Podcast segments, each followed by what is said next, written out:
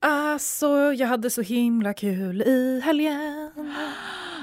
Berätta, vad gjorde du i helgen? Alltså, det är också konstigt för du var ju med Rebecka. Ja just det, jag var absolut där. alltså. Okej, vi hade en livebryggning med ölgaris för eh, i april eh, så körde ju Rebecka en introduktion med och informerade mm. nybörjare om liksom hur man brygger. Ja. Superkul. Um, så um, vi har ju haft då en livebryggning. Eller vi körde en distansbryggning helt enkelt. Så vi alla var hemma hos oss själva.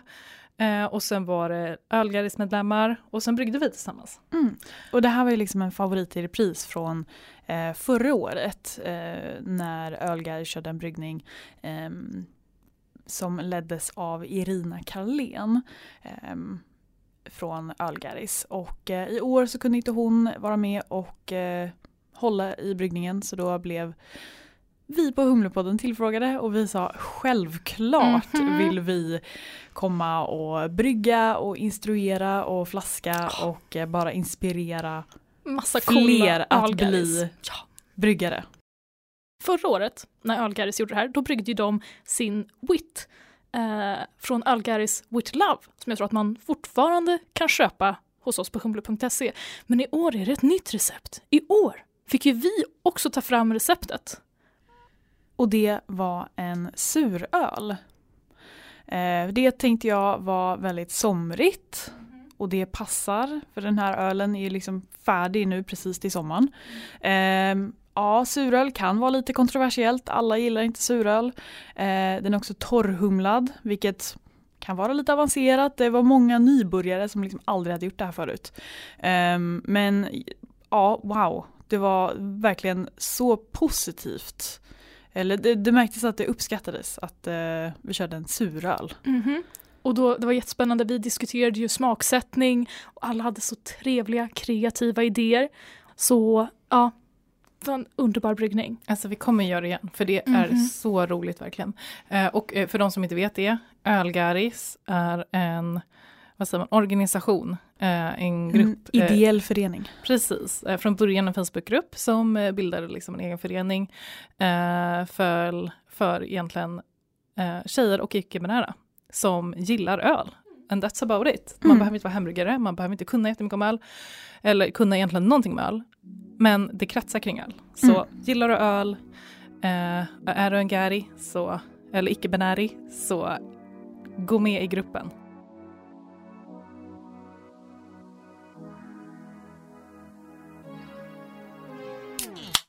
Hej och välkomna till ett nytt avsnitt av Humlepodden med Julia Jacka, Maja Koivunen och mig Rebecca Findell.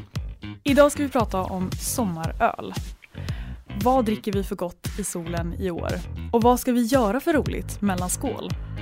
Vi har samlat ihop en lista på lite museum, event, provningar, festivaler, allt roligt som har med öl att göra. Vi ska också jämföra resultatet från vår eh, experimentbryggning. Och så ska vi gå in på hur man gör ett recept egentligen. Detta vill du inte missa.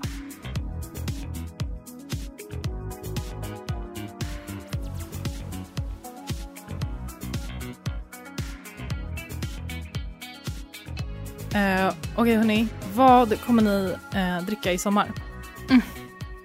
Oh, jag eh, stressprövade ju fyra öl igår. Wow, vännen, eh, dedication. Ja, vilket också varför jag tog sovmorgon i morse. Jag kanske är lite tråkig, men eh, in, för att inte vara kontroversiell så vill jag dricka en klassiker i sommar. Och det är Passion Pale Ale från Poppels Bryggeri. Mm. Mm. Jag tror alla som har varit på systemet eller på krogen har någonsin druckit den här. Alltså man känner ju igen etiketten om man mm, säger så. Ja, precis. Eh, det är en fruktig, tropisk, ljus pale ale. Inget konstigt, inget oväntat som eh, smyger upp på paletten. Eh, det är en törstsläckare, vilket ofta är det jag är ute efter på sommaren. Eh, och såklart en måltidsöl.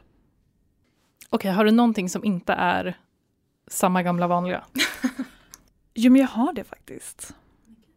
Um, jag kan ju börja med att säga att jag siktade på svenska bryggerier. Um, för det, det känns väldigt svenskt. Det känns midsommar, det känns jordgubbstårta, det känns nationaldagen att dricka svenskt i sommar. Uh, och en annan sån öl är Vampire från Tempel brygghus. Mm.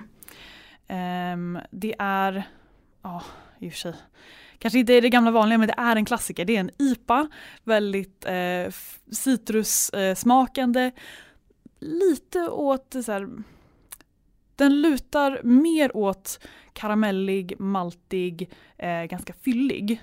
Men det är fortfarande en ja, lätt fyllighet och en väldigt stark ton av citrus. En vanlig jävla IPA? Ja, vet du vad. Eh, och jag är ju jag är ett stort fan av Tempelbrygghus. Dels för att deras etiketter och burkar är jättefina. Eh, också för att de går att köpa som lokalt och småskaligt på mitt systembolag. Mm. Kommer alla dina öl vara IPor? Eller apor? Anyway, eh, nummer tre är Galgbacken från Barlingbo bryggeri som ligger på Gotland. Och det är en IPA. Det är en IPA, absolut. eh, den här är mycket mer åt det beska hållet. Eh, inte lika mycket av en så här lätt öl man knäpper i solen utan kanske lite mer, det här måste man sitta ner och fokusera på vad man dricker. Eh, men fortfarande ganska fräsch. Om man kan vara besk och fräsch. Mm, jo men det, det kan man. Ja, jag tycker ju inte att de eh, säger emot varandra. Nej. Um, så den, den tänker jag är liksom när man vill ha någonting mer eh, avancerat i solskenet. Ja, alla de här är ale, pale ale, IPA. Eh, det är ju min favoritstil egentligen. Jag är inte mycket för lager. Eh, men honorable mention till Uppsala brygghus tjeckiska pilsner. Mm. That's all I'm gonna say. Julia, vad dricker du i solen? Alltså, jag har en öl som egentligen är en av mina favoritöl hur som helst, men den är somrig så den får bli topp tre i favoritsommaröllistan på sommaröllistan.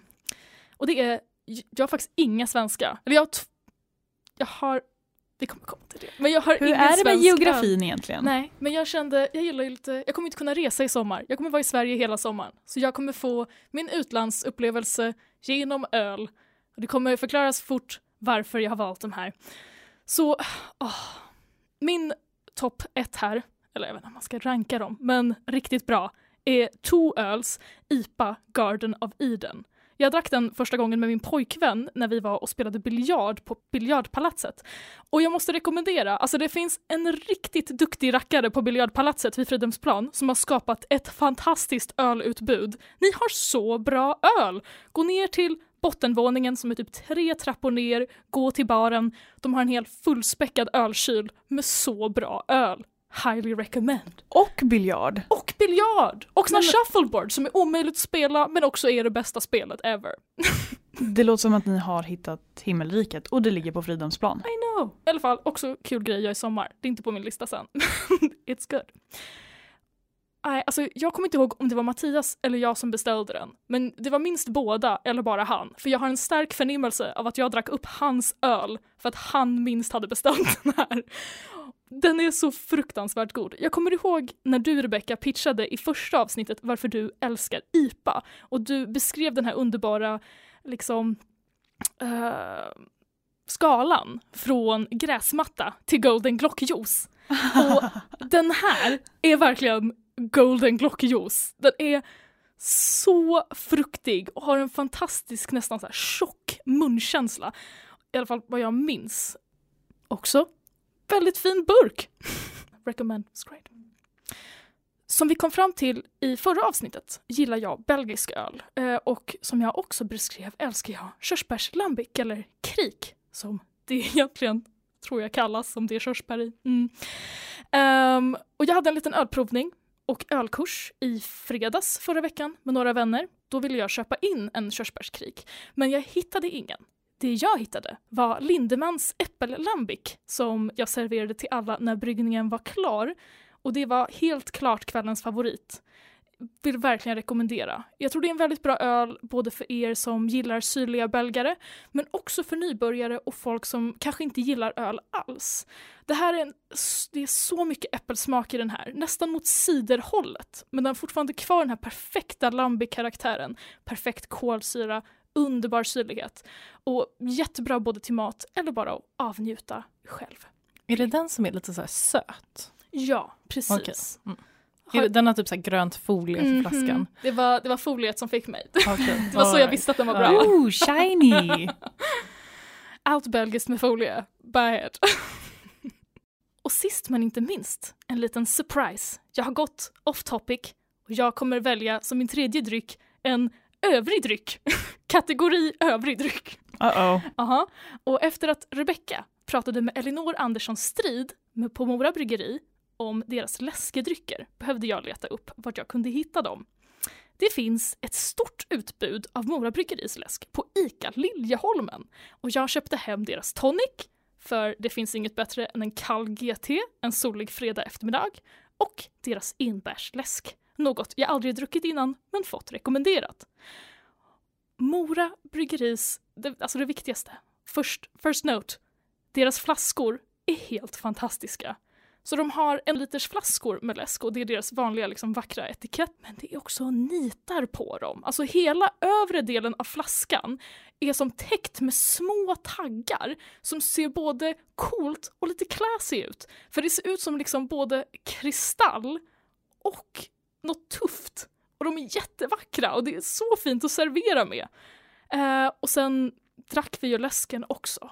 Och Är ja, det, vänta, förlåt. Bara, är det glas eller det plastflaskor? är plastflaskor. Med vadå, typ så här hårda Små nitar? taggar, alltså ja, små pla- liksom det är som stansat in i flaskan.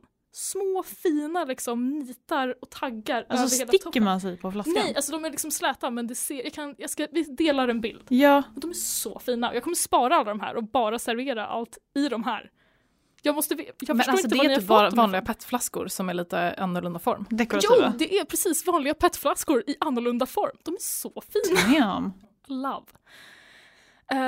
Precis. men sen drack vi läsken. Och alltså, enbärsläsk. Ny favorit. Eh, det här var verkligen som den perfekta julmusten.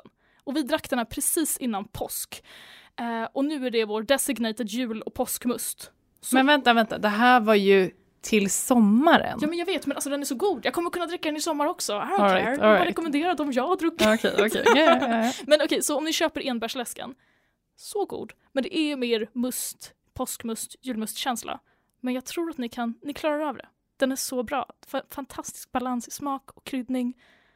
Mm, så god. Och deras tonic, också ny standard tonic. Så god, så fin. Mm. Man känner den här härliga fräscha smaken.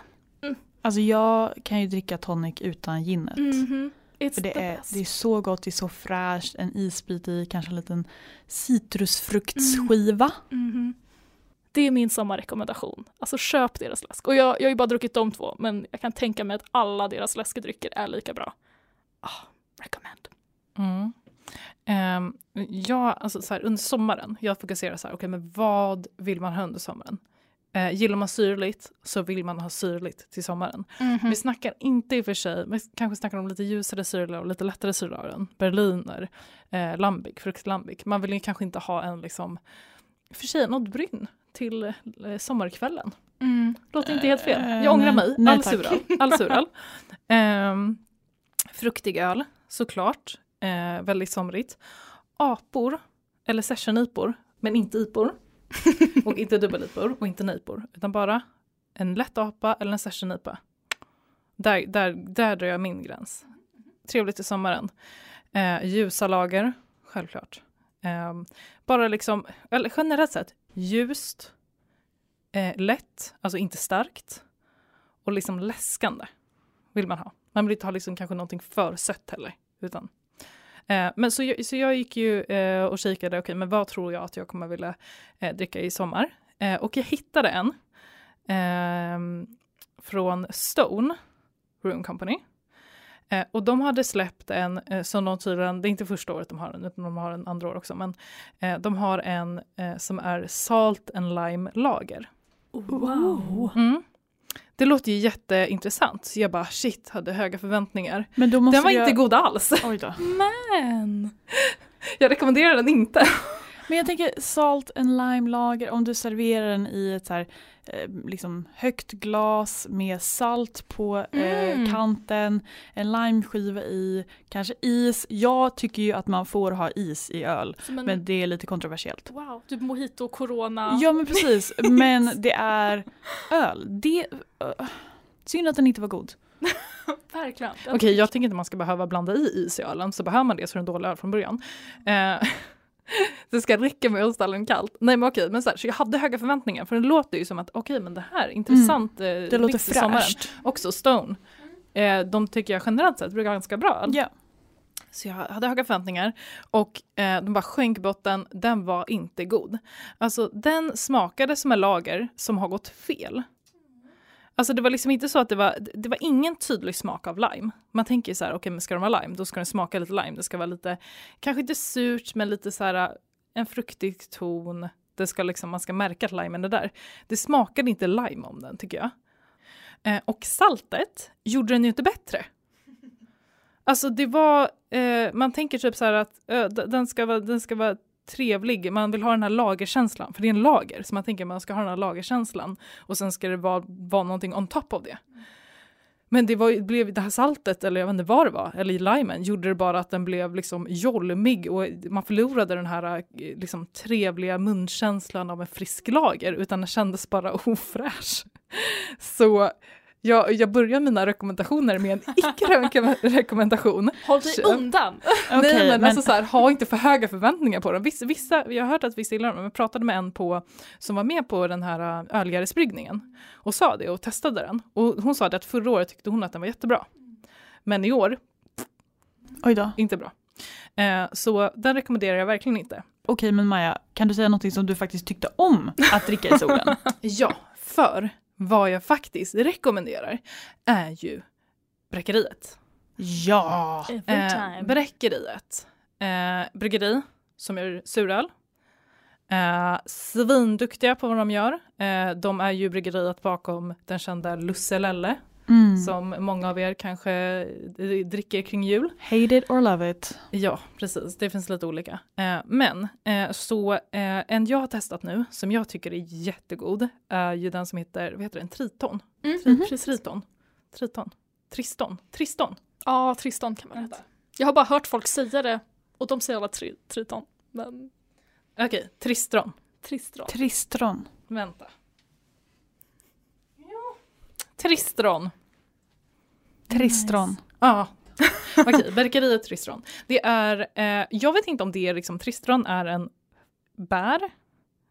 Alltså det var någon som sa att det var ett, så här vilt svartvinbär. Men på burken står det i alla fall, alltså det är svartvinbärssmak på den i alla fall. Mm. Den är läskande. Eh, jag tror att den var mellan 4 och 5 procent, 4,8 eller något sånt där. Så den är inte speciellt stark. Den har inte en så här punch in the face syra. Den är syrlig men den är inte för syrlig. Så den är väldigt uppfriskande. Eh, och fruktsmaken är jag skulle inte heller säga punch in the face. Alltså den är på ganska lagom nivå. Det är inte så att men, den märks ju absolut, men det är inte så heller.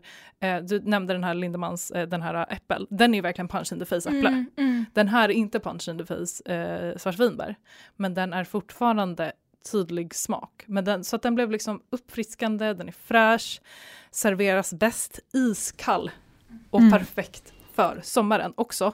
Fruktansvärt vacker! Alltså, åh, så, så vacker, så vacker. Eh, så den, det rekommenderar jag och generellt sett bara gillar suröl.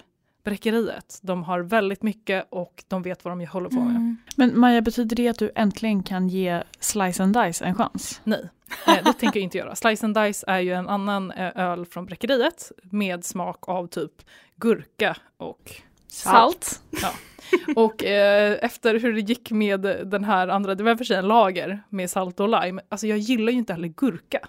Just det. Alltså jag tycker att gurka ju det smakar, ja. ja. men det smakar bara unket vatten. Alltså det, jag, vet, jag vet inte. Innan sommaren är slut så ska du ha druckit den och jag ska se till det. Okej, men ha inte höga förväntningar på Det att jag är ett hot. Okej, men i alla fall. Eh, men så eh, bara generellt sett, Bräckeriets öl, recommend om du gillar suröl. Om du inte gillar suröl, är det fine. För det finns även andra öl. Det finns ju tusen ö, olika lager, äh, apor, ipor av nästan alla äh, svenska bryggerier. Men jag gick faktiskt lite utrikes och smakade Weinstefaners Kellerbier. Mm. Jag gillar Kellerbier, eh, källaröl, en lager från Tyskland. Eh, så jag tänkte, wow, den här testar vi. Jag blev inte besviken. Den var trevlig. Mycket trevlig. Mm. Så vill ni ha en trevlig öl? Mhm. Kör den. Och Nej. om ni gillar lager, ta den. Drack, dricka iskall. Ehm, jag, jag känner, för den känns mer allt i allo. Den skulle fungera var som helst. Den skulle fungera på strandhäng, den skulle fungera en midsommarnatt, den skulle fungera en regnig dag, den skulle fungera som gräsklipparöl. Alltså den känner jag är mångsidig öl. Mm. Också inte så många kronor. Eller jag tror att den kostade typ så här 23 spänn för en 50 centiliter. Vilket Oh, jag inte wow. tycker är så farligt. Ja. Så um, jag tänkte jag går, går ifrån de här mikrobryggerierna och Mm. sätter en rekommendation för den inte så. Så vet du att du gillar lager generellt sett men inte har så stor koll på Kellerbier, testa den. För Mm. den tyckte jag var ganska trevlig. Jag har en fråga innan vi går vidare. Om man vill ha salt i öl, nu för att vi faktiskt har nämnt två öl med salt i. Hur gör man det? Är det bara som när man kryddar öl annars, att du bara häller salt i din öl? Eller finns det Mm. någon så här typ, ah shit det är det. Alltså jag skulle ha det i koket så att det löser upp sig. Oh, wow, okej. Mm. Så tidigt. skulle, skulle du ha det också va? Alltså Ja. jag har aldrig gjort en saltöl. Alltså jag tänker ju att sådana här gås, Mm. gose, gåse, Gås. eh, hur, på vilket sätt man väljer att, alltså alla, alla uttalar olika. Mm. Jag säger gås. Jag säger gos. Okej, du får inte vara med. För att jag gillar en annan podd som heter Wine and Crime där de konstant uttalar saker på det sättet. That's why. Jag vet att man inte säger det så. It's fun. It's fun. kan du säga det igen? Goose. Okej, så goose. Nej, det var inte ens jag som... Jag kan inte ens uttala det som du uttalar det. Gör det typ som du kom från Maine i USA. Okej. Anyway, gås är ju en, ehm, vet du en, en, en typ av suröl som bryggs på bräckt vatten från början. Därav så är den, det är en suröl, men så jag menar, brygger man den idag, det är inte så att man går till Mälaren och, liksom, eller Mm. Östersjön och brygger direkt med det vattnet, även Mhm. fast det säkert finns folk som gör det. Så kan man ju bara tillsätta lite salt i sitt vanliga vatten för att få det lite bräckt. Det är inte saltvatten man brygger med, bräckt vatten. Eh, och det brukar bilda till att alltså, munkänslan Mm. blir lite så här, det blir, får en tjockare munkänsla. Den blir inte salt. Mm. Men precis som med salt i matlagning så blir det en liten smakförhöjare. Men det förändrar ju väldigt mycket upplevelsen av ölen. Och jag generellt sett brukar inte tycka att det är positiv bemärk- bemärkelse. Jag skulle kunna tänka mig att det finns typ om man har en porter och tycker att man inte får liksom tillräckligt bra munkänsla, att man då kanske skulle kunna köra lite, lite salt i för att liksom få den lite fylligare på något sätt. Men jag är inte så stort fan generellt sett av salt i öl, så jag förstår inte hypen alls. Men ja, i koket, vad skulle, vad, vad, hur skulle du göra? Eller har du, har du bryggt med salt? Eh, nej, jag har, jag har liksom, jag gjorde en split batch och då typ torrhumlade jag med salt. Mm. Eh, men jag skulle snarare säga koket. Ja. Vore smidigast. Mm. ja, för då vet man att det löser upp sig helt. Liksom. Ja, men spännande. Nej, för jag har aldrig hört om det förrän du berättade om äh, Slice and Dice. Men du får väl testa? Men jag, Ställ men jag är lite taggad nu. Typ. Och nu, ja, och nu när jag förstår också vad saltet ger till ölen, för det förstod jag inte heller innan, så, så kanske det finns en poäng. Mm. Spännande. Jag skulle kunna tänka mig att jätte, inte salt som när man gör en riktig liksom, saltöl, men alltså lite, lite salt i en nejpa för att få den extra munkänslan. Mm. Might work actually, might work. Men den motverkar lite den här krispigheten. Men apropå ehm, att du ska göra den till sommarträffen. Ska jag göra det? Ja, Vi- jag tycker det. vi bestämde bestämde det inte nu. det nu? När, när fan bestämde vi det? Nej, alldeles precis nu bestämde vi att du skulle göra en saltöl. Jaha, eller en, okej. en öl Okej. med, med någon form av salt i till Okej. sommarträffen. Okej, sure. Eh, så, 20 augusti. precis. Okej. Nu, nu, har vi, nu har vi beslutat det. Så. Ja men det är väl bra, det är bra motivation till mig testa något, Ja. något salt. Så om det är någon som vill testa Julias saltöl Ja, då ses vi på sommarravsträffen tydligen. Ja, precis. Eh, så om, när, när släppte det här? Början i juli, Ja, juni. juni. Så eh, li, nästan två månader. Om nästan två månader, kom och smaka Julias öl i Sollentuna. Eh, för apropå det, sommarträffen, Humlegårdens sommarträff eh, som Humlegården anordnar i samarbete med SOBF, Stockholms sommarträff eh, kan den också kallas, är ju i år den 20 augusti i Sollentuna, Yes. där Humlegårdens ekolager ligger. Ja. Eh, precis samma ställe som förra året. It's going to be amazing. Vi kommer vara där. Be there och be square. Men vad jag kom, ville komma in på. Eh, sommarträffen. Eh, men det finns ju många, många, många andra aktiviteter. Eh, Ja. Där ute. Där vi i Stockholm sommarträff. Det finns ju andra.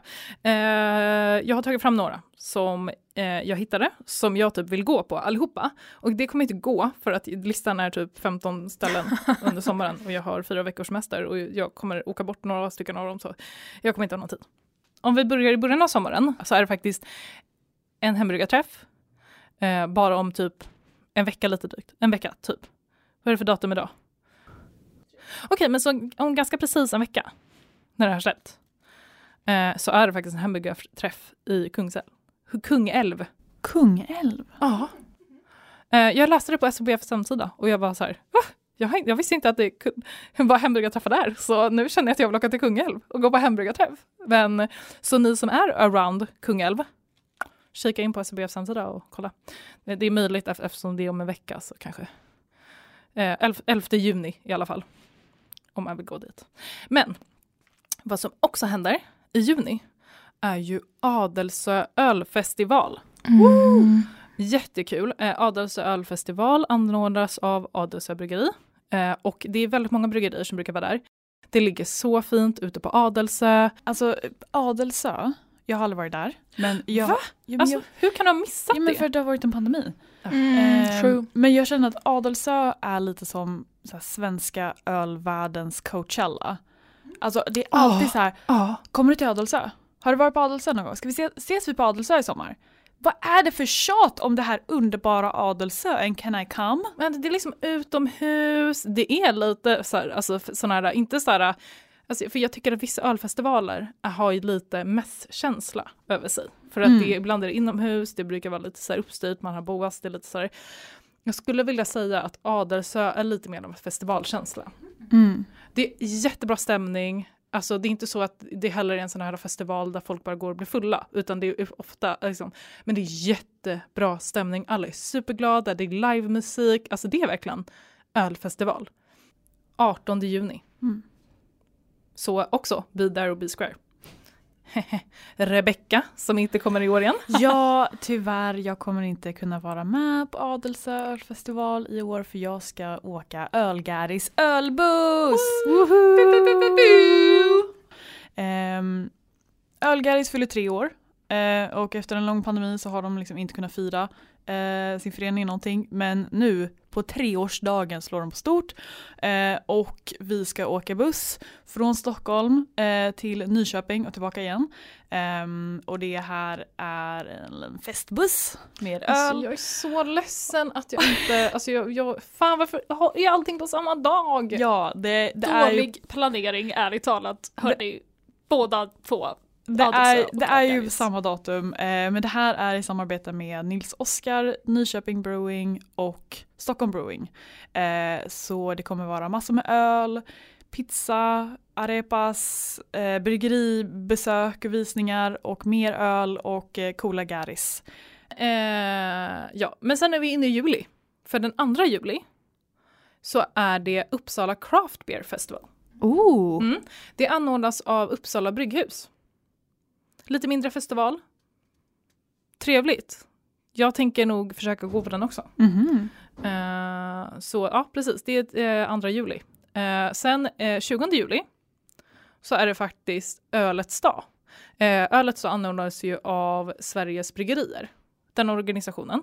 Som by the way är typ en av Sveriges äldsta organisationer. Eller typ den äldsta. Alltså det är något sånt där skit. Jättegamla. Eh, det är inte skit alls. Absolut inte. Men jag men, eh, det, det är bara coolt. It's impressive. Ja, så att de anordnar ju och har gjort det i några år nu, eh, Ölets dag. och det är alltid den tredje onsdagen i juli. Så i år infaller det den 20 juli. Och då brukar det ju vara på väldigt många bryggerier runt om i Sverige eller ölpubbar och sånt där brukar ju ha lite så speciella evenemang. Så kika in, alltså kolla på dina, vad, som händer runt omkring. Om du vet att det finns bryggerier, alltså många har öppet hus då, eh, pubbar brukar ha liksom eh, specialvisningar, guidade turer, sådana saker så. Kika i din närmsta bryggeri, bryggeripubbar eh, om det händer någonting 20 juli på ölets dag. Sen, den 4 augusti är det internationella IPA-dagen.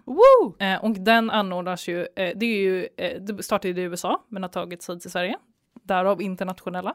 Eh, första torsdagen i eh, augusti, alltid en torsdag, alltså vad är det för jävla, men oh, okej. Okay. Eh, första torsdagen i augusti, eh, 4 augusti i år, internationella IPA-dagen, kom ihåg att ta en IPA. Det är inte något evenemang, eller det finns säkert evenemang som anordnas. Eh, förra året eh, hade vi en liten träff i Stockholm.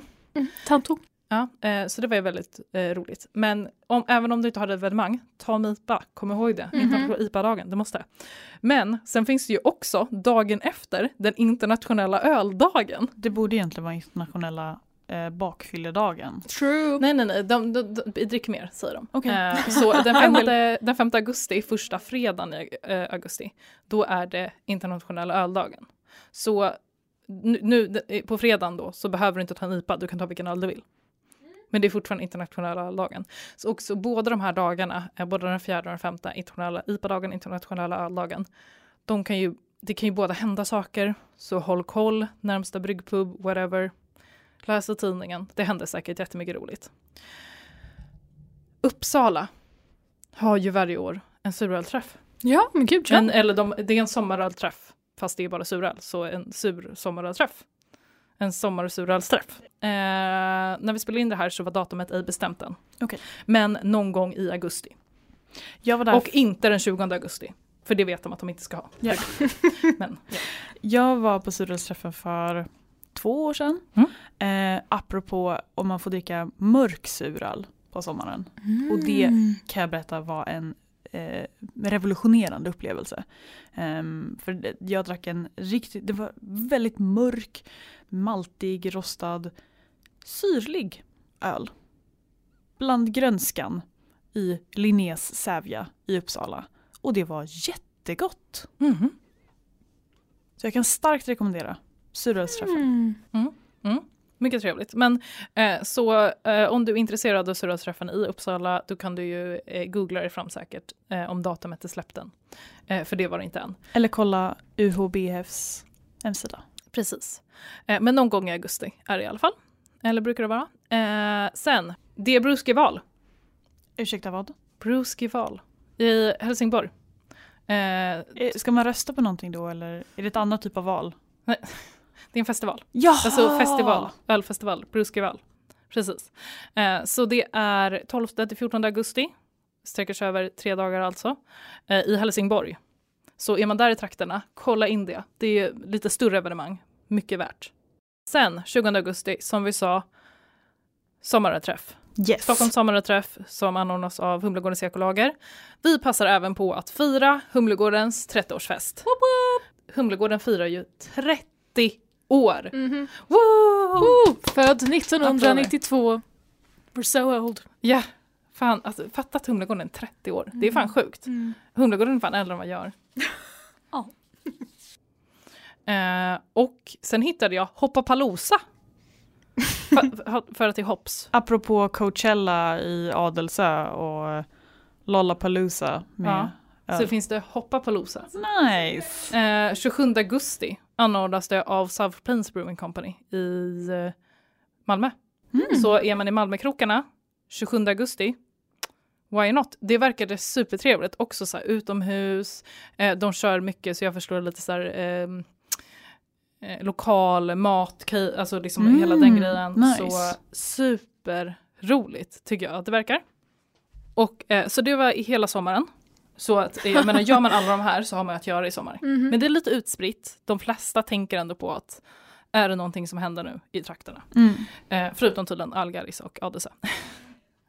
Men, eh, men, men alltså, och det här var bara liksom de jag hittade nu. Det är fortfarande tidigt.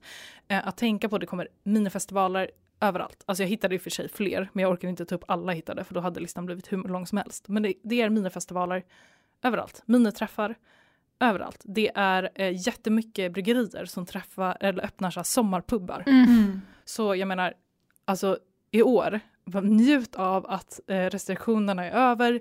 Gå och ta er en öl. Eh, liksom, speciellt på de här lokala bryggerierna som kanske har haft det lite tajt under corona. Och varför inte ordna en egen liten eh, ölträff Mhm. i sommar? Om du tycker att ja, IPA-dag hit och dit. Fy tusan, jag vill ha en lagerölträff. Ja, men ordna det. Go for it! Mhm, För mhm. all del. We support. Apropå att eh, gå och ta en öl och stötta lokala bryggerier Mm. så har jag sammanställt eh, en liten lista på bryggerier, eh, pubbar, ölställen som har ölprovningar och bryggeribesök. Mm. Eh, och bara, det här, det här är en begränsad lista, för jag precis som Maja skulle kunna prata i oändlighet. Ehm, och ett tips är googla ölprovning din stad Mm. för att få liksom ännu mer spik, spikraka träffar. Um, bor man i Stockholm så kan jag rekommendera att gå på ölprovning och bryggeribesök på Nya Carnegiebryggeriet, Nacka bryggeri, Fjäderholmarnas bryggeri, Rosersbergs slottsbryggeri Oh. eh, och man kan även gå på ölprovning på Belgobaren och Man in the Moon. Nice! Mhm. Jag har nyligen varit på Man in the Moon and it was så mysigt a där. mind-blowing experience. Mhm. De har så många tappar och så många flaskor. Förlåt, fortsätt. Och ölprovningar. Och man it's the best. Bor man å andra sidan i Göteborgstrakten så kan man gå på ölprovning och bryggeribesök på Oceanbryggeriet. Vega bryggeri som ligger på Ringön. Så det är lite pittoreskt. Eh, Stigbergets bryggeri. Göteborgs bryggerimuseum Mm. kan man gå på. Eh, och man kan också gå på ölprovning på ett ställe som heter Porterpelle som är i samarbete med Majornas bryggeri. Hmm. Bor man å andra sidan eh, i Skåne, förlåt, eh, Förlåt alla skåningar. Ber om ursäkt för henne. Så. så kan man gå på ölprovning och bryggeribesök på Helsingborgs bryggeri, Malmö Brewing Company, Fulltofta gårdsbryggeri. Eh, finns även en liten festival som heter Klackabacken Beer Fest. Ooh.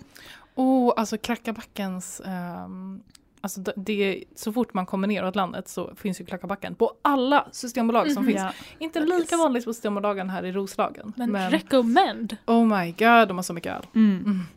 Vi har även Höganäs bryggeri, Brewski och Charlies brygghus där man även kan gå på öl och bryggskola. Heter öl och bryggskola. Ja. Okej, intressant. Eh, om vi drar oss upp emot norra Sverige så har vi eh, provningar och besök på Skellefteå bryggeri, You and Me Beer, eh, Lottas krog och pub som också har ett eget bryggeri, eh, Jämtlands bryggeri och eh, det finns även lite ölprovningar på Orangeriets Bull och bar, vilket är i samarbete med Bryggverket. Eh, och sen så har jag en eh, kategori som heter övrigt. Nice. Eh, och det är då centrala Sverige och ön. Där har vi eh, Gotlands bryggeri, Barlingbo bryggeri, Vreta kloster bryggeri, eh, Oppigårds bryggeri, Stjärnsunds bryggeri. Så om man eh, ändå befinner sig i, eh, någonstans i Sverige för att man vill gå på en av eh, ölfestivalerna så kan man också passa på att svänga förbi eh, en eh, krog eller pub eller ett bryggeri. Eh, säga hej, dricka öl, skoja. Ehm, och man kan även gå en kurs i ölbryggning med Smakverkstan. Mm. Eh, och jag har träffat Stefan ehm, som driver Smakverkstan och han är verkligen världens trevligaste person. Ehm, och eh, så om ni vill ha han som lärare så gå en kurs hos Smakverkstan. Och vill man inte gå på ett bryggeri och prata öl och dricka öl så kan man faktiskt också infinna sig på närmsta Bishops Arms i långa landet Sverige som också har ölprovningar på nästan alla deras etablissemang. Mm. Listor på alla bra ställen, träffar, eh, roliga grejer att göra kommer finnas tillgängligt på Instagram. Om man som mig gillar att chilla lugnt och läsa listor, lugna ro, vandra runt i ett svalt museum utan massa folk och ljud, mm, då är ju sommarens bästa grej museum. Så jag har letat upp ett gäng olika museum med lite öltema men också lite annat kul. Okej, så det, det självklara museet att gå till om man vill lära sig mer om alkohol är ju Spritmuseum som ligger i Stockholm, som jag vetat om hur länge som helst men ärligt talat aldrig gått på. Men dit ska jag gå nu för det har helt fantastiska grejer. De har nämligen något som är en exklusiv visning med dryck för en själv och sina vänner. Där man får välja en utställning och sen får man en drink till det och sen får man liksom en tour på den här på den här utställningen. Oh, kan man välja alla utställningar och alla drinkar och alla tours? Men kanske, men jag tror du måste boka in varje separat. Men de har liksom att man kan välja. Just nu har de tre utställningar och så väljer du den du vill gå på. Så får man Vänta, varför är det ingen som någonsin har tänkt på att dricka alkohol och gå på museum? Men det exakt det. Äh, men vadå, det är verkligen typ inte det fotografiska grej. Att de alltid har typ spelningar på sin krog ovanpå fotografiska och sen ska man kunna gå omkring och mingla och men kolla gud, på får man konst. göra det? Det visste inte jag. Ah, nej, jag, nej, jag vet inte. Jag bara trodde att det var en grej som man gjorde på fotografiska. För jag har varit på spelning på fotografiska. Okej. Okej, det- Men- Julia det, det där låter jätteroligt men jag ska också dricka en gin och tonic och gå på Naturhistoriska. Nej så. men ja, smart. Man bara tar en plastflaska. Ja, men, så jävla fancy. inte alkoholist jag lovar. Ehm, nej, men jag har ju varit på eh, Öl och Spritmuseet för några år sedan. Eh, så hade, eh, ställde liksom Humlegården ut eh, utanför Spritmuseet. Vi hade liksom en samarbete, så vi körde en helg då vi var där och hade lite livebryggning utomhus. Alltså det ligger ju vid, alltså vid vattnet. Så det Mm, ligger ju På Djurgården. Ah, alltså det ligger så fint. Så vi stod där utanför eh, museet och bara bryggde. Jag bryggde såklart med Mm, det Braumeister. här är det kända bryggtillfället då Maja bryggde på sin Bravo och chillade hela dagen och vår andra kollega Klas fucking dekoktionsmäskade bredvid som vi har diskuterat innan. Ja, så han stod där och chattade hela dagen och bara ah. Och sen jag stod där och bara eh, det här är Braumeister, den är bäst, hej hej. Typ. Men det var så trevligt där ute. Jag vill bara, jag vill bara flika in det för det är så himla fint. Nej men verkligen, alltså jag, jag har ju velat gå dit länge också för att jag har hört talas om den här bryggdagen. Men nu när jag gick in på deras hemsida och det var typ en av deras största rubriker var den här åh utställning och parad drink. Jag bara oh my God, yes. Så jag ska bara snabbt pitcha vad de har i sommar så att ni som är intresserade blir ännu mer intresserade. Okej, så det finns ingen ölutställning just nu, men det kommer en ölutställning till hösten som kommer handla om Ölsverige den senaste tiden. Så då kommer de liksom diskutera om hur eh, ölbranschen har vuxit de senaste åren i Sverige. Det verkar jättespännande. Men den kommer typ inte förrän i november. De har även som alltid sin standardutställning, Dryckeslandet Sverige, som har mer fokus på sprit än öl. Men de går alltså igenom när vi började destillera sprit i Sverige, hur har vi druckit alkohol och... eh, Med liksom- munnen? med munnen. We, Thank for you. such a long time we didn't do that. Nej, men alltså, så ja, jag tror det är jättespännande. Och sen har de något som heter gin som tar dig igenom ginlandet Sverige. Där man alltså lär sig om Mm. Sveriges ginhistoria. Oh, relationen vi har spännande. med det. Exakt, och lite sådär skillnaden från varför ses det ofta litterärt som något man, om någon dricker gin är det lite såhär misär och nu är det värsta lyxprodukten. Mm. Så det, det verkar superspännande. Och det verkar som då de här utställningarna man kunde gå på där man fick en drink och gå på utställning, då var det typ utställning plus gin är lika med sant, snaps plus utställning är lika med sant. Jag tror att det är de man checkar in på för att få vara med på en sån visning plus drink.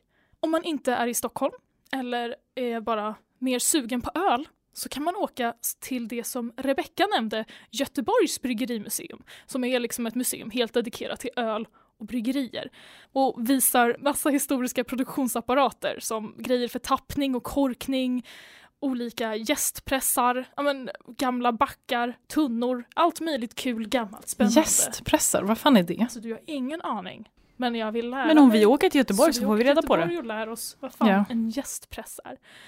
det, det lät supermysigt. Det är verkligen som ett vanligt traditionellt historiskt museum med bara fokus på öl.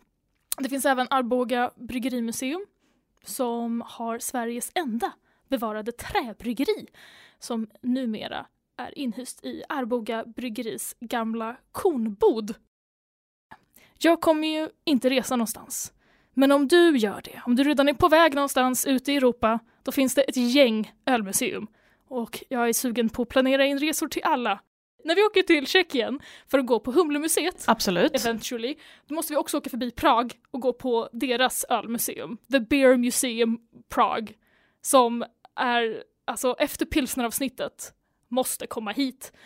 Eh, man kan gå på deras Beer Experience Tour, som är en unik liksom, utställning där man lär sig allt om att göra tjeckisk öl. Och det vet ju redan vi hur man gör, men det kan ändå vara spä- spännande att se det liksom, i Prag. Eh, man kan även få vara med och tappa upp och flaska egen öl och sen ha sin egen lilla etikett på. Och jag måste säga att det är fint, men det är också det sneakigaste sättet ever att få sin öl tappad. Är att bara hörni, vi ska ha ett kul event idag. Ni får alla flaska, varsin flaska, sätta på en etikett. Det här är kul. Så det kan man göra. Superspännande.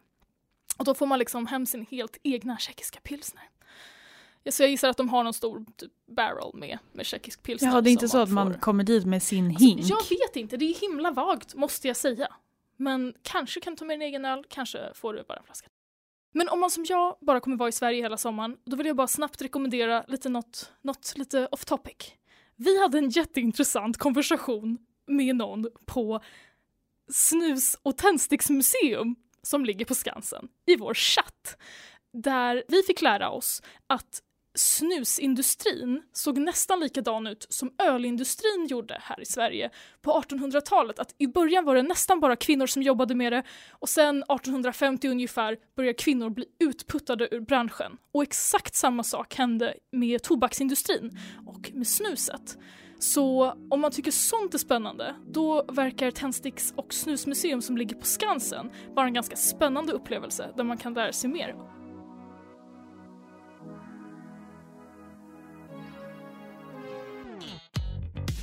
Okej, jag vill bara säga innan vi ska börja prata om vårt experiment och resultatet av det. Hur fruktansvärt dåligt det gick för mig. Nej! Du var ju den som hade bäst eh, utbyte och grejer. Ja, jag vet, för under bryggningen, fine. Jäsningen, fine. Eh, eftersom vi var bortrest när det skulle torrhumlas så bad jag min syster torrhumla den. Säkert, gick säkert jättebra, för det är verkligen bra att lyfta på locket eller humla. Inga konstigheter. Men upptappningen, alltså den gick så sämst. Okej, okej, okej, vänta. Spola tillbaka. Vår experimentbryggning. Ja. I förra avsnittet så berättade vi att ah, vi tre har bryggt samma recept med samma ingredienser på tre olika eh, bryggmetoder. Julia har bryggt med Biab, Maja har bryggt på en Braumeister och jag har bryggt med en Grainfather. Idag provsmakade vi eh, och eh, man kan ju helt klart säga att vi hade tre helt olika öl i glasen. Det är helt sjukt vilken färgskillnad, skillnad i doft, skillnad i smak, skillnad i skumkrona. Alltså seriöst, gå in på Instagram Allt. omedelbart och kolla på bilderna för att... Så olika. Okej Maja, du hade några olyckor att berätta om. Nej men alltså nej, det var bara att det gick så fruktansvärt dåligt. För dels var jag väldigt stressad för jag bara okej jag har en, en timme på mig, jag ska ta upp det här. Eh, och sådär. Eh, och eh, det gick ju sämst. För alltså, så här, när jag är hemma då brukar jag liksom använda mig av, eh, för vi hade torrumlat den här och jag hade inte tappat om den mellan. Så jag skulle ju tappa upp den direkt från flaska och kolsyreas i flaska direkt från jäsinken. Och eh, jag brukar själv hemma ta typ en filterpåse eller någonting runt eh, häverten när jag gör det. För att det inte ska komma med massa eh, humlepartiklar. När Men smart. Mm. Ja men det är jättesmart. Så antingen tar man en filterpåse runt själva häverten eller så kan man ju lägga humla man torrhumlar med i en påse. Mm. Eh, om man inte vill hålla på. För annars, alltså i vanliga fall, man kanske hade tappat om den här. Typ, eller något. Men det gjorde jag inte. Eh, för jag hade ju bråttom och jag var inte så förberedd. Så eh, jag hade ju inte eh, humlen en påse och jag hade ingen påse till häverten. Så jag bara, eh, whatever, vad är det värsta som kan hända? Jag stoppar ner häverten och alltså det blir fullständigt kaos. Det, för- först, eh, det- Det, bara sätter igen. Alltså det sätter igen Åh, så nej. mycket. Alltså, ehm, jag har ju en sån här flaskfyllare med uh, vet det? Fjäder. Eh, som vanligtvis fungerar hur bra som helst. Alltså den satte igen direkt. Och jag var liksom tvungen att plocka loss den och sätta tillbaka den. Jag var själv och lyckades liksom inte få till det så jag försökte pumpa samtidigt som jag hade den på så jag var tvungen att Mm. sätta ner. Alltså ni, det var kaos, det var blött överallt. Det, alltså jag tror. Alltså det gick så, och det är så här, när det börjar gå dåligt, då går det bara sämre och sämre och sämre och sämre och sämre. Man var jättedåligt humör, så jag satt där och var jätteirriterad. Och bara, I alla fall, så det gick jättedåligt. Eh, vet du det? Eh, flaskfyllaren satt igen, jag var tvungen att öppna den. Eh, det blev väldigt slabbigt. Eh, jag var tvungen att liksom försöka städa ur den. Eh, eh, det, alltså jag, jag är förvånad över att min öl smakade så lite äckligt som den gjorde. För, alltså jag visste att den skulle bli jätteoxiderad, för jag hade ju det öppet jättelänge. Alltså det tog säkert dubbelt så lång tid att tappa om som det brukar göra. Och dessutom slabbade jag. Alltså jag, jag flyttade omkring den där häverten hur mycket Mm. som helst. Inte en syrefri upptappning kan jag säga, inte en syrefri någonstans. Inte någonstans. Nej, inte någonstans. Alltså den var så. Och nipor är extra känsliga för oxidering. Och jag oxiderar den där. Vilket eh, man kan förstå, om man kollar på bilden så kan man ju se ganska tydligt vilken av dem som är min. För den är oxiderad. Det är samma ingredienser alla, min Mm. var oxiderad. Det är det som är skillnaden. Så den är oxiderad, jag trodde att den skulle bli infekterad eftersom jag var tvungen att tappa om och tvungen att fylla upp och tvungen att, även fast jag hade desinficering där och försökte desinficera så mycket jag kunde, så var jag ju fortfarande där och liksom höll på mycket Mm. som helst i ölen. Så. Long story short, det gick jättedåligt för mig. Vilket man ganska tydligt såg och smakade på resultatet. Jag eh, kom fram till det att jag tappade faktiskt också upp på fat. Mm. Och jag började med att tappa upp på fat. Och det gick ju bättre eftersom det inte var någon humla som fastnade i en heter det, flaskfyllare. Så jag tänker att jag till imorgon tar med en flaska till er så kan ni få smaka den, hur den var. Revansch på Ja, nejpan. jag, var- jag ger er revansch på nejpan faktiskt. Eh, alltså, jag, jag flaskade inte upp jättemånga flaskor. Ehm, men det var liksom inga problem under själva upptappningen. Eh, å andra sidan så fick jag liksom inte så mycket kolsyra. Jag fick ganska dålig ehm, skumstabilitet.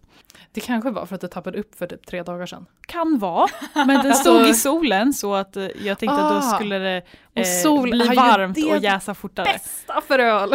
Ehm, men jag tror också att mm, gästen var liksom död. Eller alltså i alla fall ganska trött vid det Jag, laget. jag tror den- att om du låter den där stå i en och en halv vecka till så är det lugnt. Eh, nej, så jämfört med Maja så eh, var det en, en dans på rosor. Mm. Ja, nej. Jag tycker det var intressant det du sa med pumphäverten. För jag hade samma problem. Alltså min flaskfyllare kloggade också igen på typ noll sekunder med all humle. Så jag känner att det kanske är nejpa-problem. Att det är så mycket humle i, det blir jobbigare att fylla. Jag har för första gången bryggt en öl i god tid och tappat upp i god tid. Some good goddamn how.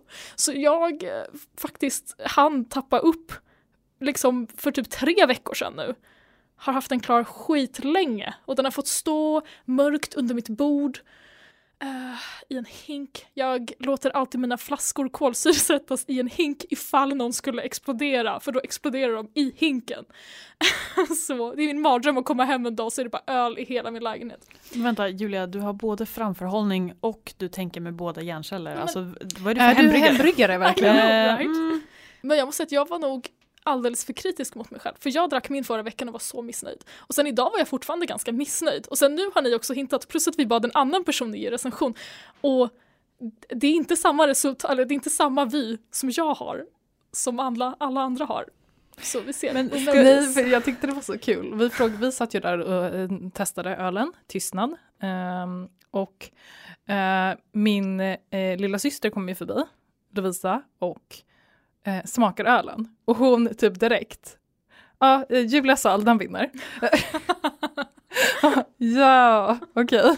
Men eh, ska vi börja med att recensera din öl Julia? Ja, Vad, vad vill du själv säga om Ja den? men precis. Nej, jag tyckte min jag var så himla nojig över att jag hade blandat ut mig för mycket för att mitt utbyte var så dåligt när vi hade bryggt. Men när jag drack den förra veckan och även idag var jag så här, alltså den här är så vattnig. Den är inte, jag gillar nejpor och jag tycker det ska vara så mycket mer frukt i. Och jag är så här, nej den är för vattnig, det är för lite smak, den är för svag. Den är fin och disig, har en härlig liksom, mm, orange-gul färg. Det var ett fin, en fin skumkrona. Den luktade jättegott. Och så drack jag och jag bara, nej fucking nothing. Jag, jag tycker den är jättemesig. Uh, ska man känner att det är låg alkohol och typ alla öl jag har bryggt hemma har varit så. De har alla blivit superlåg alkoholiga. Det är låg alkohol i dem. Uh, och jag är lite besviken. Så jag faktiskt, de senaste två öl jag har bryggt nu har jag överdrivit, liksom, jag har gjort dem lite mer koncentrerade än vad de ska vara för att jag vill få upp alkoholen lite och få upp smaken. Så det, det är min egen tappning på det. Alltså jag kan säga så här, utifrån en domare eh, synpunkt så skulle, vet jag inte om jag skulle, jag skulle nog kanske sätta alla våra öl som är typ riktiga om jag dömde. Oj då. Alltså jag, jag, tror det. Och då vill jag ändå säga Julias din var absolut bäst. Ja. Eh, brygna, bryggtekniskt var den jättebra. Alltså den, den var fruktig, men jag håller med om, jag kan läsa den till, den var eh, frisk och fruktig. Det var väldigt milda smaker, eh, de försvann snabbt. Jag skulle inte kalla den IPA. Kanske en session-IPA utan beska så en session-apa. Session pale ale? Jag, jag, vet inte. Det, det, var en väldigt sessionig öl. Mm. För den var väldigt lättdrucken. Men den var bra. Den var ljus, den var fin, lite disig. Den luktade ju supergott verkligen. Ja, you jag, nailed it. Jag skrev bäst och fräschast doft! Utropstecken. Mm. Verkligen. Doftade så så himla gott. Svag kropp jag kan, jag kan förstå nu att du tycker att den var lite vattnig. Eh, jag skulle inte säga att den är vattnig men att, att det var inte så mycket munkänsla. Jämfört med andra nejpor är den vattnig. Ja. Men jämför man inte vatt... med nejpa så är den inte vattnig. vattnig låter så inte bra. Um, själva smaken var lite svag i humlen jämfört med doften för det doftade ju mm. liksom verkligen humlebomb men det smakade inte lika mycket och de smakerna som fanns försvann eh, lite fort på paletten. Eh, bra kolsyra och eh, jag har också skrivit här bäst i test. Smakar som köpöl. Mm. Så högsta betyg. Men alltså helt seriöst, om du inte hade typ så här spett ut den. Mm. Då tror jag verkligen att den hade varit alltså, precis det man skulle förvänta sig mm. av den. Jag tror att det var utspädningen där mm. som var det som ja, kanske inte helt rätt till. Å andra sidan, nu har du ju världens bästa liksom, sommaröl. Superbra, verkligen. Jag vill typ grilla ikväll och dricka en sån. Maja, hur gick det egentligen? Vad smakade det? Som eh, jag då misstänkte när jag tappade upp den att det där skulle gå åt helvete, så gick det åt helvete. Lovisa sa doftade gott men det smakade eh, lite beskt. Eh, jag tycker att den doftade eller luktade svavligt, oxiderat och alkoholigt. Så den var ju utan präkan, alltså min fail vid upptappningen jag hade lagt sina spår om man säger så. Alltså den var ju superoxiderad. Det ser man ju också, alltså på bilderna, den är ju supermörk. Ja det är inte ens i, i samma nej, nej, nej, världsdel. Nej, nej. Den hade lite tydligare bäska än de andra tyckte jag, vilket är konstigt, men jag, den hade det tyckte jag. Uh, den försvinner dock snabbt, lite lite fruktig, men för det mesta äcklig, smakar gammal, lite för stark öl. Det är det den gör, den mm. smakar gammal, stark, oxiderad öl. Mm. Oj, men bara innan vi går vidare, för the noobs like me. Oxiderat, kan du bara säga exakt vilka definitioner det liksom har? Hur påverkar det? Det smakar kartong och det kan se grådassigt ut. Okay. Ja, den mm. gör ofta alltså oxidation, tänk typ på ett äpple. Eh, det blir mörkare. Och det äter, hur det blir mörkare när det har stått i luften och det är ju för att den oxiderar. Mm. Samma sak med typ svampar påverkas också ofta väldigt mycket av oxidationen. Typ så. Eh, det, det gör ju att färgen påverkas väldigt mycket, vilket tydligen vi ser väldigt tydligt. Eh, och att eh, det, ja, pappigt, den förlorar alla smaker. Så jag menar, jag har haft lika mycket humle i min som ni hade. Men min humlesmak, min humledoft, den var ju liksom inte där i jämförelse. Mm. Alltså den var ju den liksom hade försvunnit. Så att jag menar, sådana saker försvinner lätt, de tas över, de här pappiga, tråkiga. Den känns, bara smakar gammalt. Tänk om du ställer in en öl och väntar lite för länge och typ har glömt bort den och bara åh nej, den här tråkiga ölen och sen typ tror man att det ska vara en IPA och sen smakar den brown ale. Jag kan ju hålla med om att den doftade lite gästigt för jag skrev doftar belgiskt.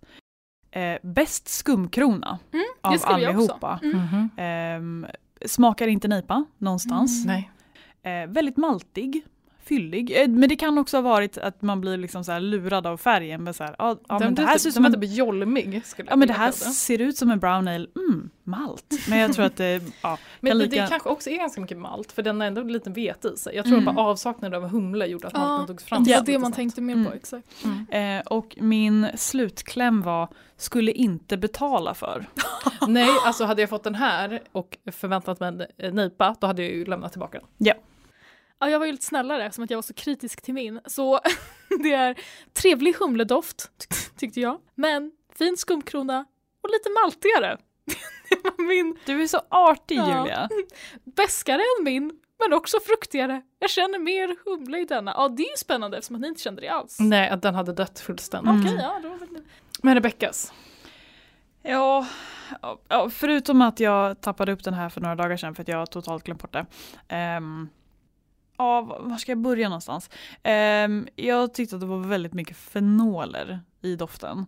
Ehm, väldigt så här, ja men det, det både doftade och smakade som en typisk hembryggd öl, vilket jag hatar. För då, är det så här, då, då ligger man inte på någon speciell stil utan då är det bara så här, ja det här har jag gjort hemma. Det här, här har varit i höjden, det här har jag gjort i var, slöjden. var, eller- var kom du från nu helt plötsligt? I dialekten? Ja. Jag vet inte. nej, men jag, jag kan, Du jag, bara, nej men stockholmare de kan inte misslyckas så jag måste vara... nej, men jag, jag kan inte göra dialekter och jag kan inte göra nejpa heller verkar det som. Ehm, jag tyckte att den hade en väldigt fin persikofärg Mhm. ehm, och var eh, lite disig. Ehm, ja, smakar bara ale plus fenoler. Helt okej kolsyra men absolut ingen skumkrona. Det, det kittlade lite på tungan så det, det var någonting där. Eh, jag insåg att jag vet inte om jag kom ihåg att torrhumla. Vilket kan förklara en hel del. Um, och om jag, min slutkläm på Julias var bäst i test, smaka köpa öl. Min slutkläm på Majas var skulle inte betala för. Slutklämmen på min egen öl är skulle inte dricka upp ens. Um, Oj, men du skulle dricka upp min? Ja. What? Bara inte betala. Gratis. Okej, eh, för jag är ju av åsikten att din i alla fall var näst bäst. Eh, Den var ju Ja, ja, lite halvmörk. No den offense, ser ju lite oxiderad ut din också för att den är lite mörkare. no offense, jag håller med. Min var näst bäst men jag är inte nöjd med den. Ja. Nej men så, eh, den var ju lite mörkare också så jag Ja. tror att det kan vara lite oxiderad. Eh, inte jättefin om Nej. vi ska vara ärliga. Eh, eh, den hade väldigt mycket gröna äpplen. Det tänkte jag ganska mycket på. Mm. Eh, och det stör lite, alltså, när jag väl känner gröna äpplen, då kan jag inte inte känna gröna äpplen och då är det typ det enda jag tänker på. Så att, Var, är det det kommer ifrån? eh, det är gästen eh, som producerar ett ämne som heter acetaldehyd. Och eh, det luktar och smakar gröna Granny Smith-äpplen typ. Eller jag bara, mm, nice. Gott. Nej, nej, nej, det är inte gott. I öl? Eller det, det, passar inte, det är en fel smak. Eh, eller så här, all gäst producerar det, men vad gästen gör är att den städar undan det. Eh, men om gästen eh, inte, eh, eh, om den kanske inte har gäst ut eller varit stressad, då kan den liksom finnas kvar i ölen. Eh, det kan också hända om man typ har råkat tillsätta syre eller någonting och så att gästen har kommit igång igen och bara shit, syre. Och sen har den ingenting att äta av. Och då dör den. Det kan också vara, för jag tror att om, om man väntar en vecka, då har den käkat upp allt socker och gjort sitt jobb i den där flaskan. Eh, för tre dagar är lite för kort tid för kolsyra i öl. ja. Så jag tror att det kan varit för att vi drack den lite för tidigt. Eh, Mm. Och att om en vecka så hade den varit lite bättre. Eh, men för den hade ju, den var lite, den var ju lite sötare. Och det tror jag också har med att den inte jäst ut helt. Jag kan ju berätta vad jag hade för OGFG och eh, alkohol. Enligt receptet ska den här ligga någonstans mellan 58 och 62 örslegrader eh, och jag låg på 50. Och sen jäste den ut till 21. Oj, ja den där vilket är inte väldigt högt klart. och det resulterar i en eh, alkoholhalt på 3,8 procent. Oh, Oh, wow. wow. Ja. Så om ni tyckte att den smakade sött så är det absolut rätt. Det är intressant hur eh, liksom den mest nybörjare av oss, om man ska säga, som faktiskt är Julia, har lyckats Bäst. Alltså, hästlängder bättre Ja. än vi andra som hållit på mycket längre. Oh. Eh, och jag som har hållit på längst misslyckades brutalt. Jag tycker det är spännande att flaskningen kunde förstöra så mycket. Och nu är jag Alltså, så jag tror att det är det, ledsen, för vi får ju. Nej men vi får ju se, för jag har ju som sagt den på fat hemma. Ja. Mm. Och det gick ju nog lite bättre. Så det är ju möjligt eh, att den är bara oxiderad. Men jag tror att det är flaskningen som var problemet. Så jag ska tappa upp lite på en flaska direkt från fatet. Och sen får vi se om det blir så. Så vi Men testar imorgon. Precis. Man märker ändå att vi har haft samma humle i. Mm. Och att det är så olika öl. Men man kan ändå hitta så samma citra-smaker Ja. i alla. Och det tycker jag var, var roligt. För det betyder också att man kan experimentera supermycket med samma humle på olika sätt. Provningen kändes ju Mm. helt bisarr Mm, med tanke på hur olika de både såg ut och smakade. Ehm, och det kändes också bara som en kul grej att göra med sina vänner. Att, för vi pratade ju en del eh, för några avsnitt sedan om mystery box, att alla gör helt olika öl och ingen vet vad man gör och bara wild and crazy men också så här att gå back to the basics. Att okej, men vi brygger alla på lite olika sätt. Vi har olika mängder erfarenhet och kunskap.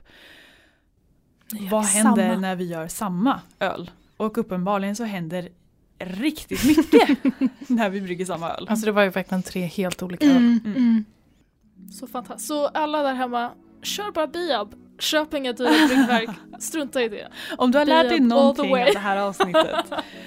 En kastrull och en påse. Påse vinner överallt.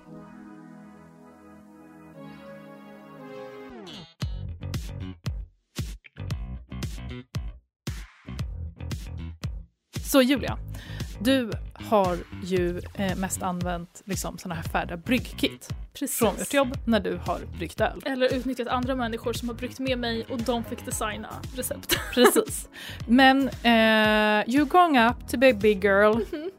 Eh, hur skulle du göra nu? Om, jag menar nu ska du göra en, eh, som vi pratade om, en eh, Ja. öl med salt i till sommarträffen. Det betyder att du kommer behöva göra ditt egna första recept. Ja. Hur ska det gå tillväga?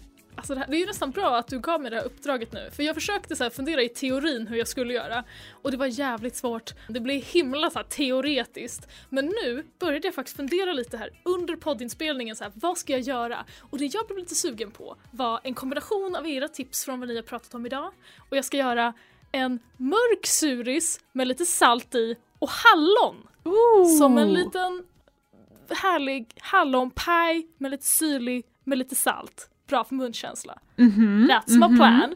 Ooh. Så det jag kommer vilja göra, Wow, ursäkta mig, Ja. men har aldrig, alltså så här, jag har smakat en hel del öl och hört om en hel del öl. Jag har nog aldrig hört den kombinationen på liksom en mörk suröl med hallon med salt. Mhm. Alltså, ursäkta mig men Revolutionerande. faktiskt, kan, kan Julia vara den som startar en ny öltrend i Sverige?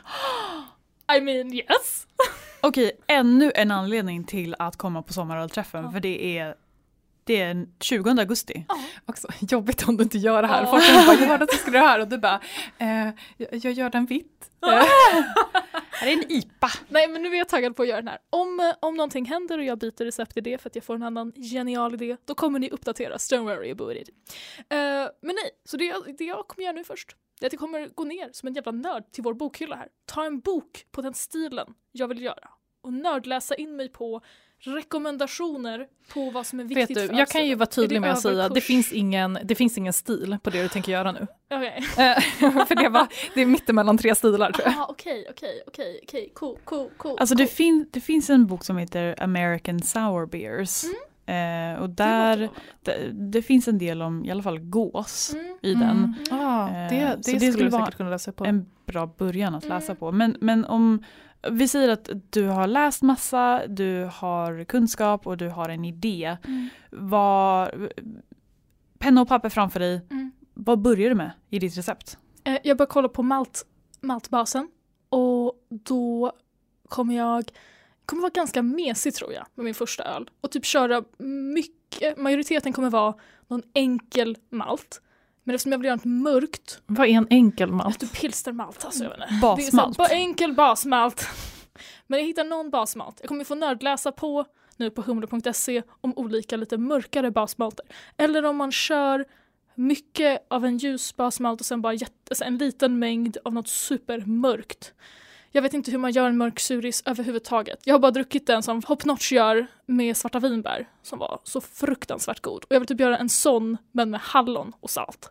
Uh, och sen, okay, så jag, gör, jag hittade en maltbas baserat på eh, beskrivningar på Humlegårdens hemsida. Och sen så gissar jag att jag inte kommer behöva så mycket humle, men jag kollar på en enkel liten humlegiva som jag kan typ ha 10 gram i. Åh, oh, perfekt. Och sen ska jag ha lite bär, kasta i lite bär. så jag kommer madlibba hela min öl.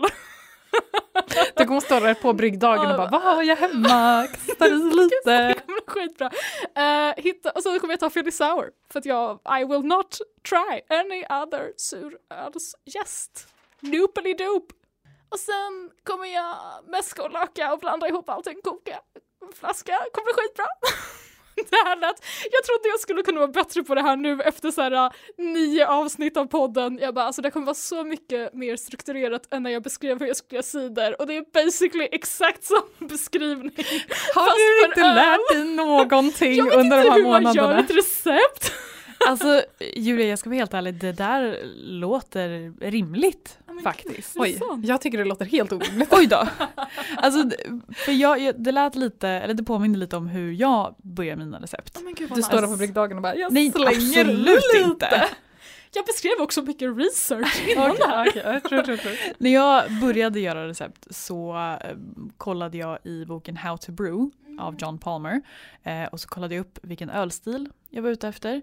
Eh, och han har ju recept för nästan alla ölstilar. Eh, så då kollade jag på om jag vill göra en IPA eller brown ale eller vad det nu kunde vara. Eh, utgick från det receptet, att man ska ha ungefär så många procent basmalt, ungefär de här humlegivorna vid de här tiderna, att man, man tar det som inspiration för att sen bygga vidare sitt eget recept. Eh, och det var en väldigt bra liksom, sätt att lära sig att göra recept på. Nu eh, så brukar jag gå lite mer freestyle när jag gör en stil som jag känner mig ganska säker på. Eh, och då börjar jag precis som du sa med maltnotan. Att man börjar med basmalten, specialmalt kommer sen, vare sig om det är rostat, karamell, rök. Eh, och jag brukar utgå ifrån vad har jag hemma? Um, har jag någon påse med malt som jag vill bli av med som man kan bara tjonga ner. Um, men egentligen det som jag utgår ifrån är humlen. För humlen tycker jag är roligast. Som vi kanske har märkt i podden att jag tycker humle är jättekul att prata om och lära sig om och brygga med. Um, så jag gör ofta mina recept utifrån den humlen jag vill använda så att jag har en maltnota som framhäver humlen och dess egenskaper? Jag utgår ju från, eh, alltså så här, först brukar jag tänka typ så här, eh, vilken öltyp vill jag brygga? Så nu, jag menar, nu är det snart sommar, jag har en suröl som är på gång. Men jag tänker typ så här, eh, okej, okay, när är nästa ölträff? Om det är sommarträffen, vad kommer jag vilja ställa ut mig på sommarträffen? Eller jag kanske behöver brygga någonting till eh, vinsommar. Vad vill jag ha? Om det kanske, ja men en vanlig jävla apa, säger vi då. Och då kollar jag först utifrån, vilka malt har jag hemma? För maltbasen i typ en sån öl är ju typ det minst viktiga, eller man ska säga. Men det är, ligger ju fortfarande till basen på vad du ska göra. Så att jag brukar ju som sagt börja med malten, som du sa att du också tänker att du gör. Du började med humlen lite, eller utgick från humlen. Humlen är min inspiration men när jag faktiskt sätter mig ner och skriver receptet mm. då är det alltid malten som kommer först. Mm. Ja, och jag menar det är ju typ så också recept uppbyggda. Det kanske bara därför man gör det. Hade humlan stått längst upp så kanske mm. man hade börjat med humlan. Men jag börjar, eh, börjar med malten. Eh, utgår från vad jag har hemma eh, och för vad öltypen liksom är en bra maltid. Va? Alltså jag menar, ska jag göra en pilsner då kan jag liksom kanske bara köra 100% pilsnermalt. Eh, eller ska jag göra en dunkel eller någon annan lager kanske jag slänger i lite Münstermalt eller något sånt där. Men där, där kanske jag liksom håller mig till bara några stycken. Ska jag göra en stout, kanske lite mer komplexa saker. Eh, så vi ser. Men nu säger vi, nu ska jag göra en apa. Då börjar jag med eh, malten i en sån typ av öl. Spelar fan ingen roll alls vilken basmalt jag använder. Så mina recept brukar ungefär vara typ så tre olika sorters basmalt i. Jag har kört typ lite marisotter, oh, här hade jag en, en kilo med pilsnermalt, oh, här har jag ett halvt kilo med eh, typ så en... Golden promise. Ja men typ så det, det, är en salig blandning av basmalt i mina öl kan jag säga. men också, det är lite så här, beroende på vilken öl du ska göra Eh, i, sådana enkla ören, Helles, pilsner, liksom, då, kan, då kanske det blir ganska tydligt vilken malt du har använt. Men jag menar, ska jag göra en humledominerad öl? För fan bryr sig vilken malt? Eh, så jag brukar vanligtvis ha 85 till 95 procent basmalt om jag inte rigger en pilsner, för då kör jag 100 procent pilsmalt. Eh, har 5 till 15 procent specialmalt. Gör jag en som nu, som jag bestämt att jag ska göra en apa av någon anledning, då kanske jag bara har i 5 procent eh, specialmalt, kanske lite ljus karamellmalt och that's it. Eh, och sen bara håller jag mig till den eh, och sen, jag menar, stegar upp det tills jag kommer till ett OG jag vill ha. Och då brukar jag oftast, jag menar, är du ny och vet inte riktigt vad man brukar ligga på, gå in på sabf.se och gå in på öltypsdefinitioner och kolla vad det är för öltypen.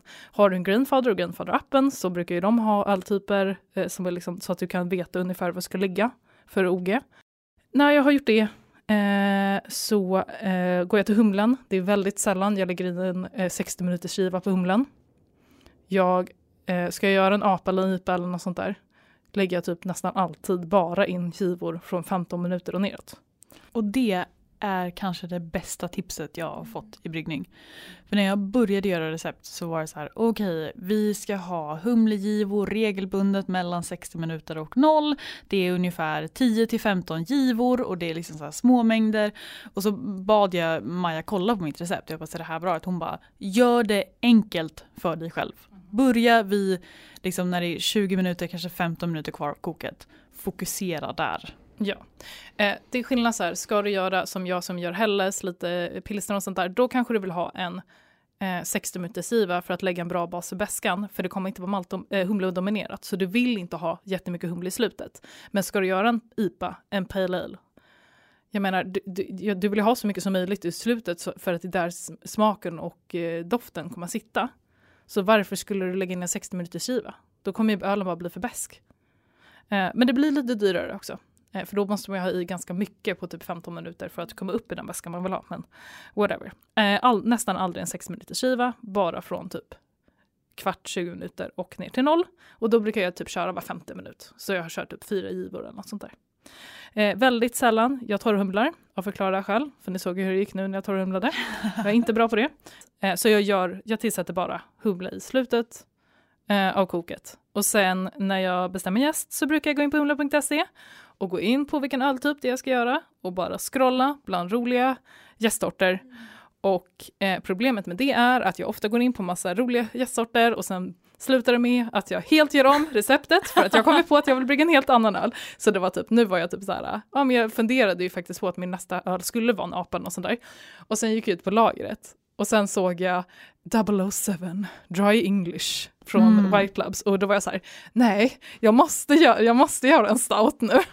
Så att eh, det slutar ibland med att när jag faktiskt går in och kollar gäster så ändrar jag helt ölstil och gör om hela receptet. Alltså att välja gäst är ju bland det svåraste. Eh, för min, min standard go-to gäst är typ Verdant IPA från Lallemand. Eh, också för att jag brygger väldigt mycket ale, IPA, APA. Ehm, men så fort jag kommer utanför min comfort zone så blir jag helt typ så här ställd. Liksom, var, I vilken ända börjar jag? Um, men det går ganska bra att typ söka på Humlegårdens hemsida, bara så här Dortmunder eller eh, Bitter eller någonting sånt. Eh, så kan man få tips på gäst som passar för den ölstilen. Vi har ju också en väldigt cool grej som är så här tillfälligt sortiment. Där vissa, speciellt jag tror det är nästan bara flytande gäst som gör det här, så har ju de liksom tillfälliga gäststammar. Och de, är alltid, de har haft superroliga beskrivningar och det är väldigt roligt att läsa dem och så här, verkligen lite som Maja beskrev, man blir inspirerad av gästen. Uh, och jag rekommenderar samma som Rebecca gjorde med att man blir inspirerad av humlen. Liksom att det, det är helt okej att gå de vägarna också för att skapa ett öl. För att, alltså det är fantastiskt vad man kan lära sig. Också vill rekommendera en öl jag blev råkade använda nu när vi hade Humlemästerskapen. När vi skulle ha en gäst på ens namn och jag heter ju Julia Jacka.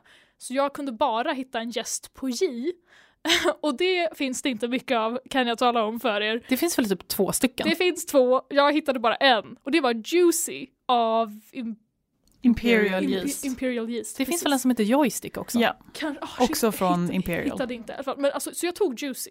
Och det var så trevligt. Jag tycker så mycket om den. Det är en jättebra gäst. Så jag rekommenderar också bara leta bara efter en gäst på din, dina initialer.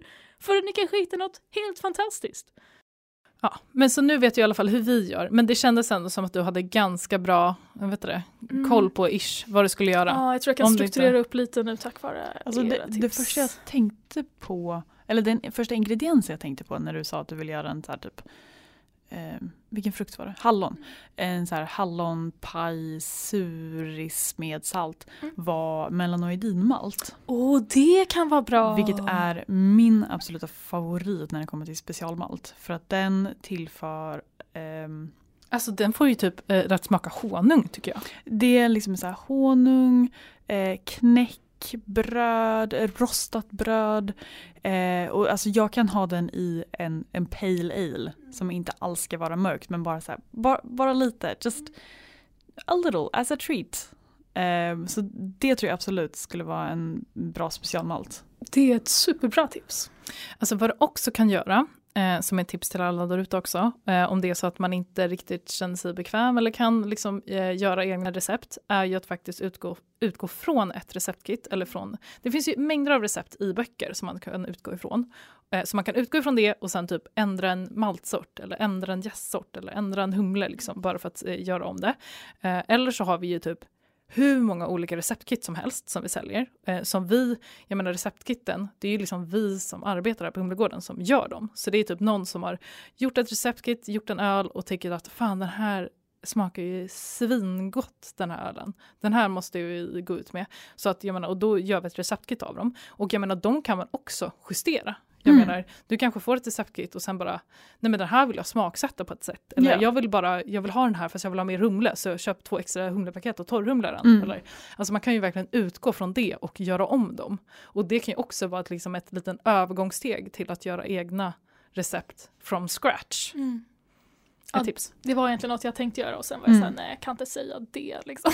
Jo men verkligen, men det, gjorde jag i början. Alltså jag gjorde, skrev inte alla mina recept utan jag hade ju en hembryggarbok som hade massa recept och sen utgick jag från dem och sen typ ändrade jag vet du det, en jästsort eller ändrade lite humlesort eller ändrade lite grader, äh, lite massa sådana där saker. Och jag menar då lär man sig hur förändringar i ett recept påverkar ölen. Så det är ett väldigt bra sätt att liksom komma Mm. in i det. Och om du vill ha ett till tips på ingredienser som jag kom på när vi stod här och pratade. Gärna. Eh, humle. Det är jättebra ingrediens. Det, Nej, det men- är jättemycket för.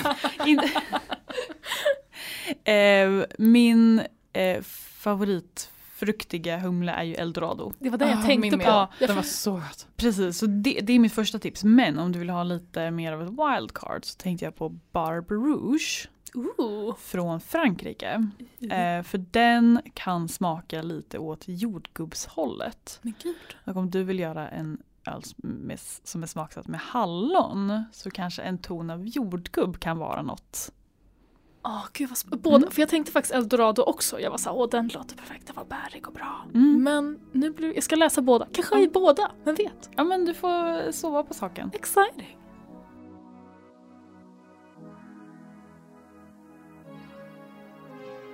Nu, i säsongens sista avsnitt, ska vi summera vad det bästa med podden har varit.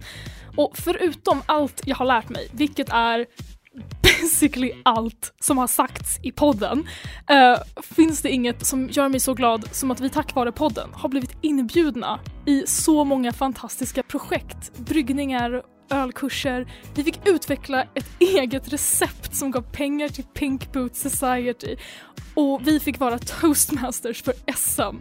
Och jag vet inte hur jag ska säga det här på rätt sätt, men jag, inte, jag är så tacksam för den här möjligheten att ha fått göra det här. Det finns inget enkelt som jag kan säga var bäst för att jag tycker det, det är så viktigt att kvinnor syns i miljöer där de inte ses som självklara. Liksom alla minoriteter, det är fantastiskt när de kan ta sig in på en plats där de inte förväntas vara. Och det är en av mina starkaste motivationer till både att jag ville ha det här jobbet, att jag ville brygga på internationella kvinnodagen 2021, att vi startade podden och att jag har prioriterat podden så mycket. Och så gör man allt det där och plötsligt blir det ens vardag och plötsligt är ölevent och podden och bryggdagar bara en grej man gör, en vanlig grej i ens schema och så glömmer man att det inte är standarden och man glömmer att det är en ganska big deal att vara kvinna och ha den här plattformen och ha en ölpodd och att tre kvinnor fick presentera SM. Att kvinnor kan hålla bryggkurser för ett gäng andra underbara kvinnor som också ska börja brygga öl. Och man får ta ett steg tillbaks och titta upp från kalendern som också har andra arbetsuppgifter och planerade middagar och tvättider och fatta hur häftigt det är att få vara med och göra den här grejen i den här industrin just nu. På min Instagram-profil står det i Caps Lock min ölpodd, jag dör! Och sen massa emojis som pekar på vår länk till Spotify och jag är fortfarande i så det stadiet av chock och lycka att jag får göra det här. Det är den bästa grejen med mitt jobb. Det är en av de bästa grejerna i min vardag och jag älskar den här podden. Jag älskar att hålla våra intervjuer. Tack alla underbara kvinnor som vi får prata med. Hedda Spendrup från Omaka, Katarina Holmberg från Norrtälje Musteri, Marie Loreman från Danderyds Bryggeri, Anneli Eriksson från Trainstation Brewery, Hanna Thunberg, vår fan fantastiska sommelier och medeltidsarkeolog, Malin Dervinger, vår ciceron, Terry Ferendorf, grundaren av Pink Boat Society, Elinor Andersson Strid från Nora Bryggeri och Nina Schultz från Snausarve. Alltså jag dör! Det har varit ett så häftigt, så häftig liksom möjlighet alltså prata med alla de här smarta kreativa människorna. Jag uppskattar att ha fått gjort det här precis lika mycket. Ja, och jag hoppas att det blir minst lika kul nästa år. Mm -hmm. Och jag måste ju säga att jag har försökt välja ett favoritavsnitt, vilket har varit jättesvårt. Um, jag är någonstans mellan avsnitt fem som handlar om uh, pilsnen och hur den uppkom uh, och uh, avsnitt sex med Hanna Thunberg, uh, medeltidsarkeologen. dels för att jag älskar att prata om humle, vilket jag fick göra i avsnittet om pilsner, men också för att bara få höra det Hanna Thunberg pratade om, att kvinnor har faktiskt varit i den här branschen i hundratals år men vi har blivit nedputtade från piedestalen och nu är vi här för att eh, ta plats igen. Också, verkligen. Alltså, tack till alla som har ställt upp intervjuer och varit med. Alltså, det har verkligen varit guld. Och tack, Så roligt. Ja, och, och tack till alla som har lyssnat. Alltså, vi älskar när ni DMar och skriver och kommenterar. Och alla fina recensioner ja. som vi har fått på eh, diverse recenseringsplattformar. Eh, Nästa säsong har vi planerat att prata om Oktoberfest, Halloween och pumpaöl, fler härliga juldrycker, kanske lite öldrinkar. Jag vill prata mer om belgisk öl, men kanske något syrligare den här gången. Vad vill ni höra? Har ni teman eller ölstilar ni vill höra mer om? Bryggerier, musterider, siderier, allmänt fantastiska ölpersoner ni tycker att vi ska prata med? Skriv in till oss på Instagram på Humlepodden eller mejla oss på podcast.humle.se så ska vi försöka få med så många teman vi kan. Och en sista gång för den här säsongen. Hej då och tack att ni har lyssnat. Hej då! Om du vill veta vart alla våra härliga berättelser kommer ifrån så kommer vi länka alla våra källor och medverkande i en källförteckning som finns i poddbeskrivningen. Du har lyssnat på Humlepodden med Julia Jacka, Maja Koivinen och Rebecca Findell. Du kan nå oss på podcast.humle.se och följa oss på Instagram där vi heter Humlepodden. Lyssna på ett nytt avsnitt första fredagen varje månad. Det här avsnittet producerades av Humlegårdens ekolager, manus av Julia Jacka, Maja Koivunen och Rebecca Findell, klippning av Maja Koivunen.